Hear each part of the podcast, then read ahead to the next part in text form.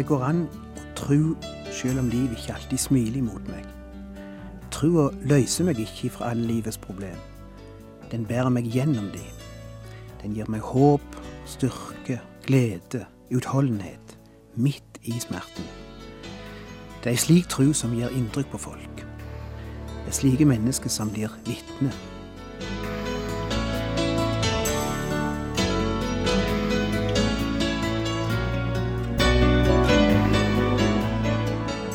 Hjertelig velkommen til et nytt program i serien Vindu mot livet. Vindu mot livet er basert på programserien Insight for Living ved Chuck Svindal. Programmet er produsert av Kristen Riksradio og blir ledet av Ola Bjoland.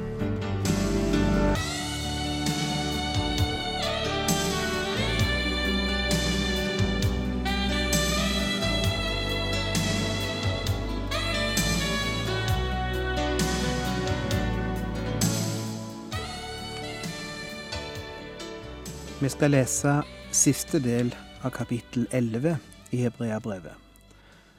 Og da begynner vi å lese fra vers 32. Og hva skal jeg ellers nevne? Tiden strekker ikke til hvis jeg skal fortelle om Gidon, Barak, Samson og Jefta, om David, Samuel og profetene. Ved sin tro vant de over kongeriker, håndhevet retten, fikk løfter oppfylt, stoppet gapet på løver, slukket voldsom ild, slapp unna skarpe sverd, gikk fra svakhet til styrke, ble sterke i krig og slo fiendtlige hærer på flukt. Kvinner fikk sine døde tilbake idet de sto opp. Noen ble spent på pinebenken og avslo å bli frigitt, fordi de heller ville få del i den oppstandelse som er bedre. Andre måtte tåle spott og piskeslag, ja, til med lenker og fengsel. Noen ble steinet og pint, saget i stykker eller drept med sverd. Andre måtte gå omkring i saueskinn og geiteskinn. De led nød, hadde det vondt og fikk hard medfart. De var for gode for denne verden. De flakket omkring i øde drakter og på fjell, og holdt til i huler og grotter. Alle disse fikk godt vitnesbyrd for sin tro, men de oppnådde ikke å få det som var lovt. For Gud hadde for vår skyld noe bedre i tankene. De skulle ikke nå fullendelsen uten oss. Det er ikke så få myter ute og går når det gjelder kristendom, og i særdeleshet når det gjelder kristne. Det er rart å sitte og lese avisene, for eksempel, og se hva slags oppfatning de har om en kristen, hva slags myte som lever blant folk når det gjelder det kristne liv. Og du kan høre kommentarer som avslører det samme. For eksempel kommentaren jeg ofte hører Jeg kan ikke forstå at han kan være en kristen, han som er slik. Eller en kommentar som gikk om meg sjøl nylig. Han er jo riktig hyggelig. Jeg kom ikke på engang at han var prest. Eller har hun virkelig sagt det, hun som er kristen? Eller kan noe slikt skje i den familien? Er ikke det en kristen familie? Akkurat som det å være kristen skulle gjøre oss immune imot erfaringer og opplevelser som alle andre mennesker møter i livet. La oss se litt på de områdene der der verserer myter om en kristens liv. En av mytene er at en kristen skal være passiv, milde, mjuke. skal aldri slå tilbake, aldri forsvare seg sjøl, aldri bli sint. Fordi Jesus var slik, mener en. Men den som tror det om Jesus, kjenner ikke den Jesus som Bibelen beskriver. Jesus var ikke noen veik vaskeklut. Det er et bilde av Jesus som enkelte forfattere er skapt, og enkelte poeter. Men Bibelen sier at det er enkelte ting som det er verdt å slåss for, og å slåss imot. Jesus gjorde det. Det slo gnister av han da han dreiv pengevekslerne ut av tempelet, eller da han avslørte fariseerne. Og det skal slå gnister ut av en kristen når han bekjemper urett og overgrep og korrupsjon og likegyldighet og hykleri. Det står ingenting i Bibelen om at en kristen skal være tafatt og mild og ikke ha meninger og ikke si fra om ting som er galt. Men hvis en kristen gjør det i dag, blir han karakterisert som ukjærlig og dømmesjuk. Det gjør ingenting for resten. Hvis det å bekjempe synd og urett får folk til å si at jeg er en person uten kjærlighet, så får de bare si det. Jeg har ikke tid til å diskutere det. Jeg er iallfall i godt selskap. Jeg er i selskap med mesteren sjøl. For kristendom er ikke svakhet og unnfallenhet. Kristendom er sannhet, og sannheten stikker. En annen myte om kristne er at de er mennesker som aldri tviler. De har bare tru, aldri tvil. De blir aldri skuffa. De står aldri fast.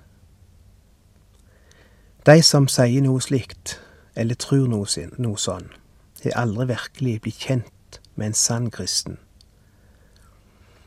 Han er kanskje kjent en hykler, en skuespiller av en kristen, men aldri virkelig kjent en sann kristen, eller kjent sann kristendom. For sannheten er veldig enkel. Au en kristen er et menneske. 100% menneske. Og hvis et menneske kan ha tvil, kan òg en kristen ha tvil.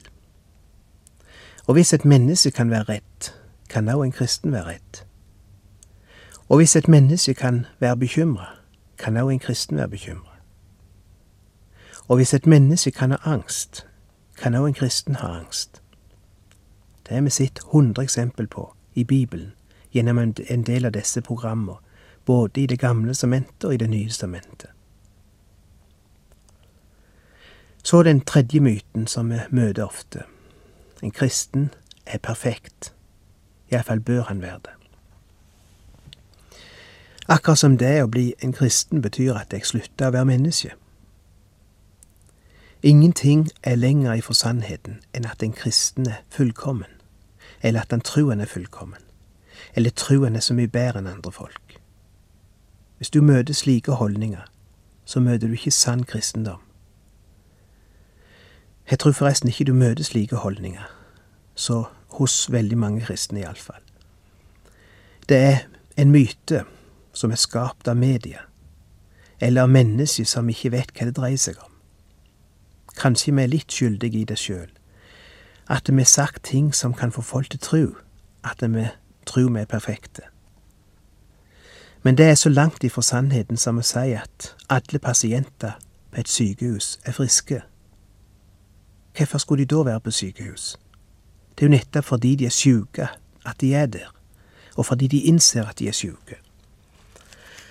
Og når et menneske velger å komme til Jesus og bli kristen, så er det jo nettopp fordi han innser at han ikke er slik som han burde være. Derfor er det litt rart å høre hele tida kristne tror de er så mye bedre enn andre folk.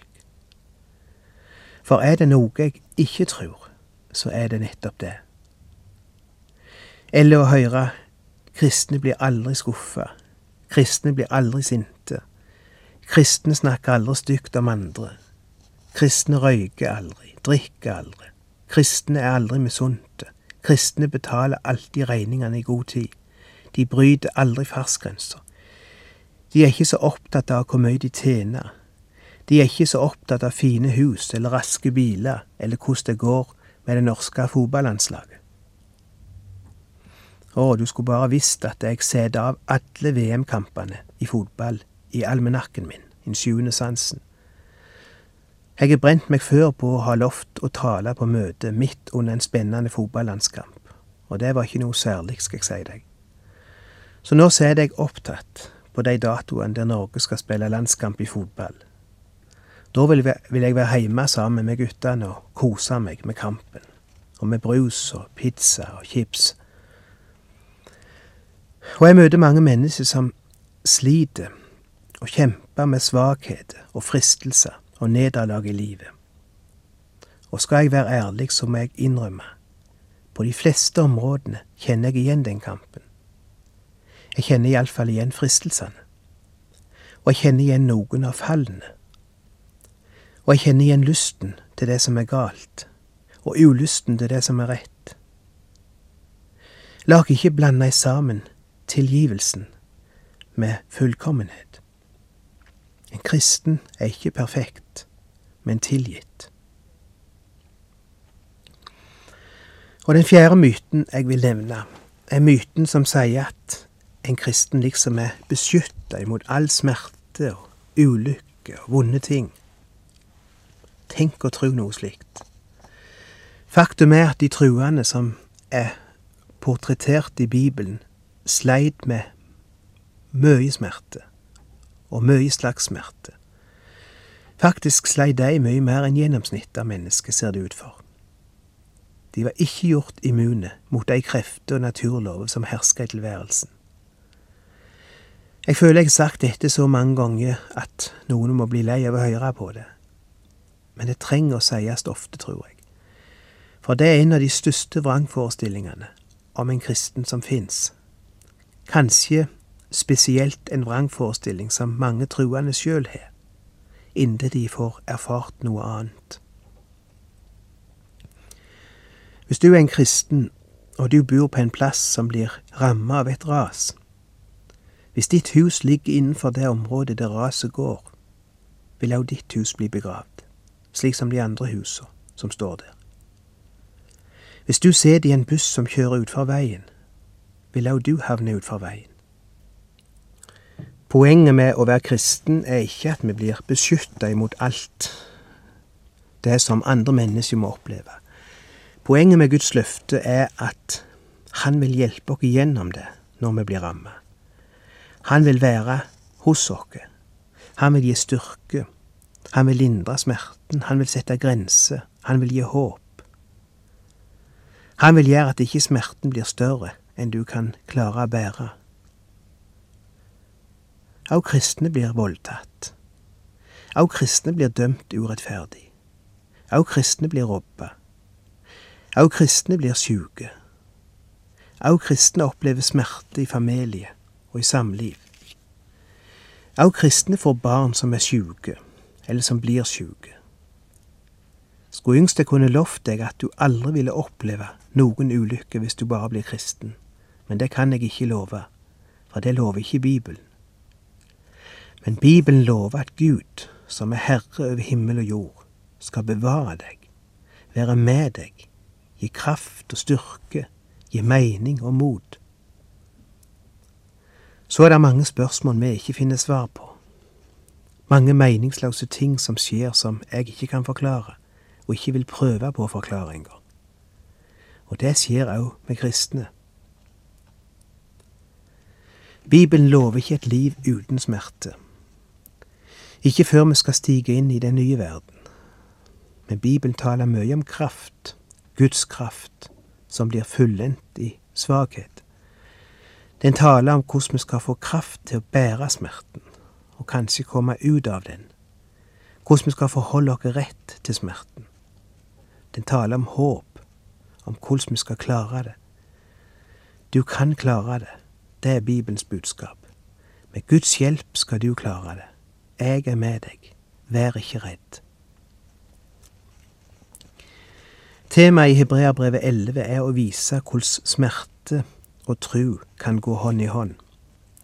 At det å oppleve smerte, det å oppleve at en er et ufullkomment menneske, en synder, kan veldig godt kombineres med tru på Han som er fullkommen, og som vil ha med oss å gjøre, sjøl om vi er slik som vi er. For her listes det opp et galleri av mennesker og hendelser som de som kjenner historien bak, med en gang assosierer med både synd og smerte. Og likevel tales det om tru i forbindelse med disse menneskene. Ved tru gjorde de det de gjorde. Ved tru gikk det slik som det gikk, er gjennomgangstema i dette kapitlet. De trodde, og de seira på tross av tvil og angst og nederlag mange ganger, og på tross av spørsmål og motløshet og alt dette som vi kjenner til ifra vårt eget hverdagsliv. Å lese kapittel 11 i Hebreabrevet er som å spasere på en kirkegård. Du ser på alle disse gravsteinene. Du ser navn og årstall. Og du ser kanskje et ord ifra Bibelen nederst på steinen, som snakker om håpet, om at de er nådd fram til målet. Å lese kapittel 11 her er som å lese slike gravsteiner. Hvert eneste navn er et vitnesbyrd om et liv som opplevde nederlag og smerte, men som likevel seira i tru.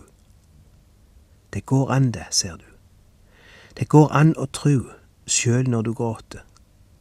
Det går an å tru sjøl når du tviler. Det går an å tru sjøl når du skriker i smerte. Det går an å tru sjøl når du slikker såra etter et fall. Det kjem an på hva du gjør med det vonde. Om du har det for deg sjøl, eller om du legger det over i hans hender. Israelsfolket var ikke så høye i hatten da de sto framfor Rødehavet, med hindringer på alle kanter og med en rasende farao i hælene. De ropte og skreik og var ifra seg av fortvilelse. De bebreide Moses som hadde ført de opp i dette. Men ved tru blei de frelst, står der. Det var ikke rare trua, men det var nok for de vendte seg til Gud. Det er tru. Det er ikke Esops fabler vi leser om her i Hebreabrev 11.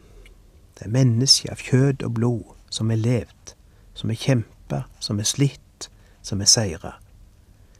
Ikke fordi de var så enestående sjøl, men fordi de hadde en enestående Gud, og fordi de ropte på denne Gud.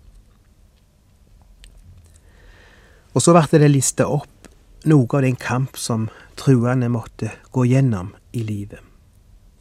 Og det er ikke småting. Det er ikke triumf det tales om. Det er tru. Vet du forskjellen på det, forresten? På triumf og tru. Hør hva som står. Noen ble spent på pinebenken og avslo å bli frigitt fordi de heller ville få del i den oppstandelse som er bedre. Andre måtte tåle spott og piskeslag, ja, til med lenker og fengsel. Noen ble steinet og pint, sagd i stykker eller drept med sverd. Andre måtte gå omkring i saueskinn og geiteskinn. De led nød, hadde det vondt og fikk hard medfart. De var for gode for denne verden.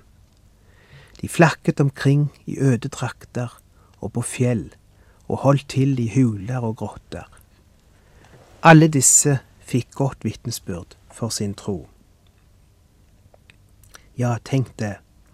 I nederlag, i smerte, i ulykke og motgang, så sto de fram som de største vitner for trua. La meg sitere hva en teolog i det 16. århundre, John Fox, har skrevet om disse vitnene for tru i sin bok Martyrene. Det er blitt sagt at livet til de første kristne bestod av forfølgelse over jorden og bønn under jorden. Det kan sies mye om deres liv gjennom de vitnesbyrd katakombene eh, eller kolosseumene har etterlatt seg. Under rom er det tunneler, eh, underjordiske tunneler, som vi kaller katakomber, som en gang var templer og gravplasser. Den tidligste kristne kirken kan veldig godt betegnes som katakombekirken. Der var ca. 60 katakomber rundt Rom, bestående av ca. 100 mil med ganger. Disse gangene er ca. to meter høye og ca. én meter brede. Og på begge sider i disse gangene var det rektangulære fordypninger, eller hull, som lå over hverandre i flere etasjer, akkurat som køyer i et skip.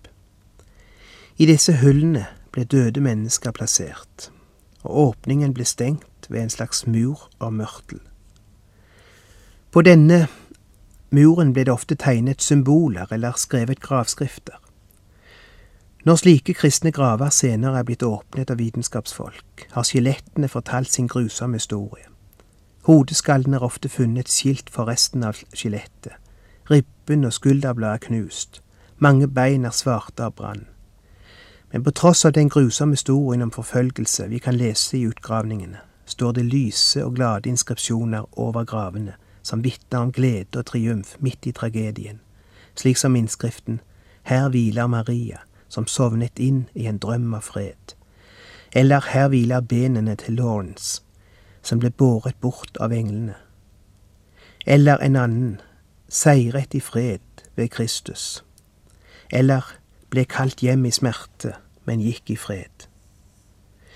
Den mest hyppige tegningen du finner i katakombene, er bildet av den gode hyrde som bærer lammet på sine skuldre. En annen tegning som går ofte igjen, er et skip under fulle seil. Det er harpe, det er kroner, det er drueklaser, og framfor alt er det fiskens symbol. Dette er historien om den kristne kyrkja, og den lever videre. Er ikke for ingenting at ordet for å vitne på gresk er martus, eller martyr. Noen tror at det beste vitnesbyrd overfor verden er å stå fram og fortelle hvor enestående vi er, eller hvor fantastisk vi har det. Og nei, vi har det ikke alltid så fantastisk. Og ikke tro at det gjør inntrykk på folk, og gå rundt og smile til alle døgnets tider. Hvis det er naturlig for deg, så gjerne smil. Og hvis du er glad, for all del, vis det. Det er ingenting å skjule det. Men la oss ikke ta på oss et smil mens det blør inni oss. For det er ikke et påtatt smil som gjør inntrykk på folk. Det er sannhet, ærlighet, ekthet. Det er mennesker som lei, mennesker som blei tråkka på, mennesker som hadde smerte, mennesker som blei trua, men som likevel, midt i gråten, holdt fast på trua på Han som er den gode hyrde. Det var slike mennesker som blei kalt vitne Martyrer blei de kalt, og det betyr vitne. Det betyr ikke at vi alle skal ned i katakomben igjen. Men det betyr at det går an å tro, sjøl om livet ikke alltid smiler mot meg. Trua løser meg ikke fra alle livets problem. Den bærer meg gjennom de. Den gir meg håp, styrke, glede, utholdenhet, midt i smerten. Det er ei slik tru som gjør inntrykk på folk. Og det er slike mennesker som blir vitne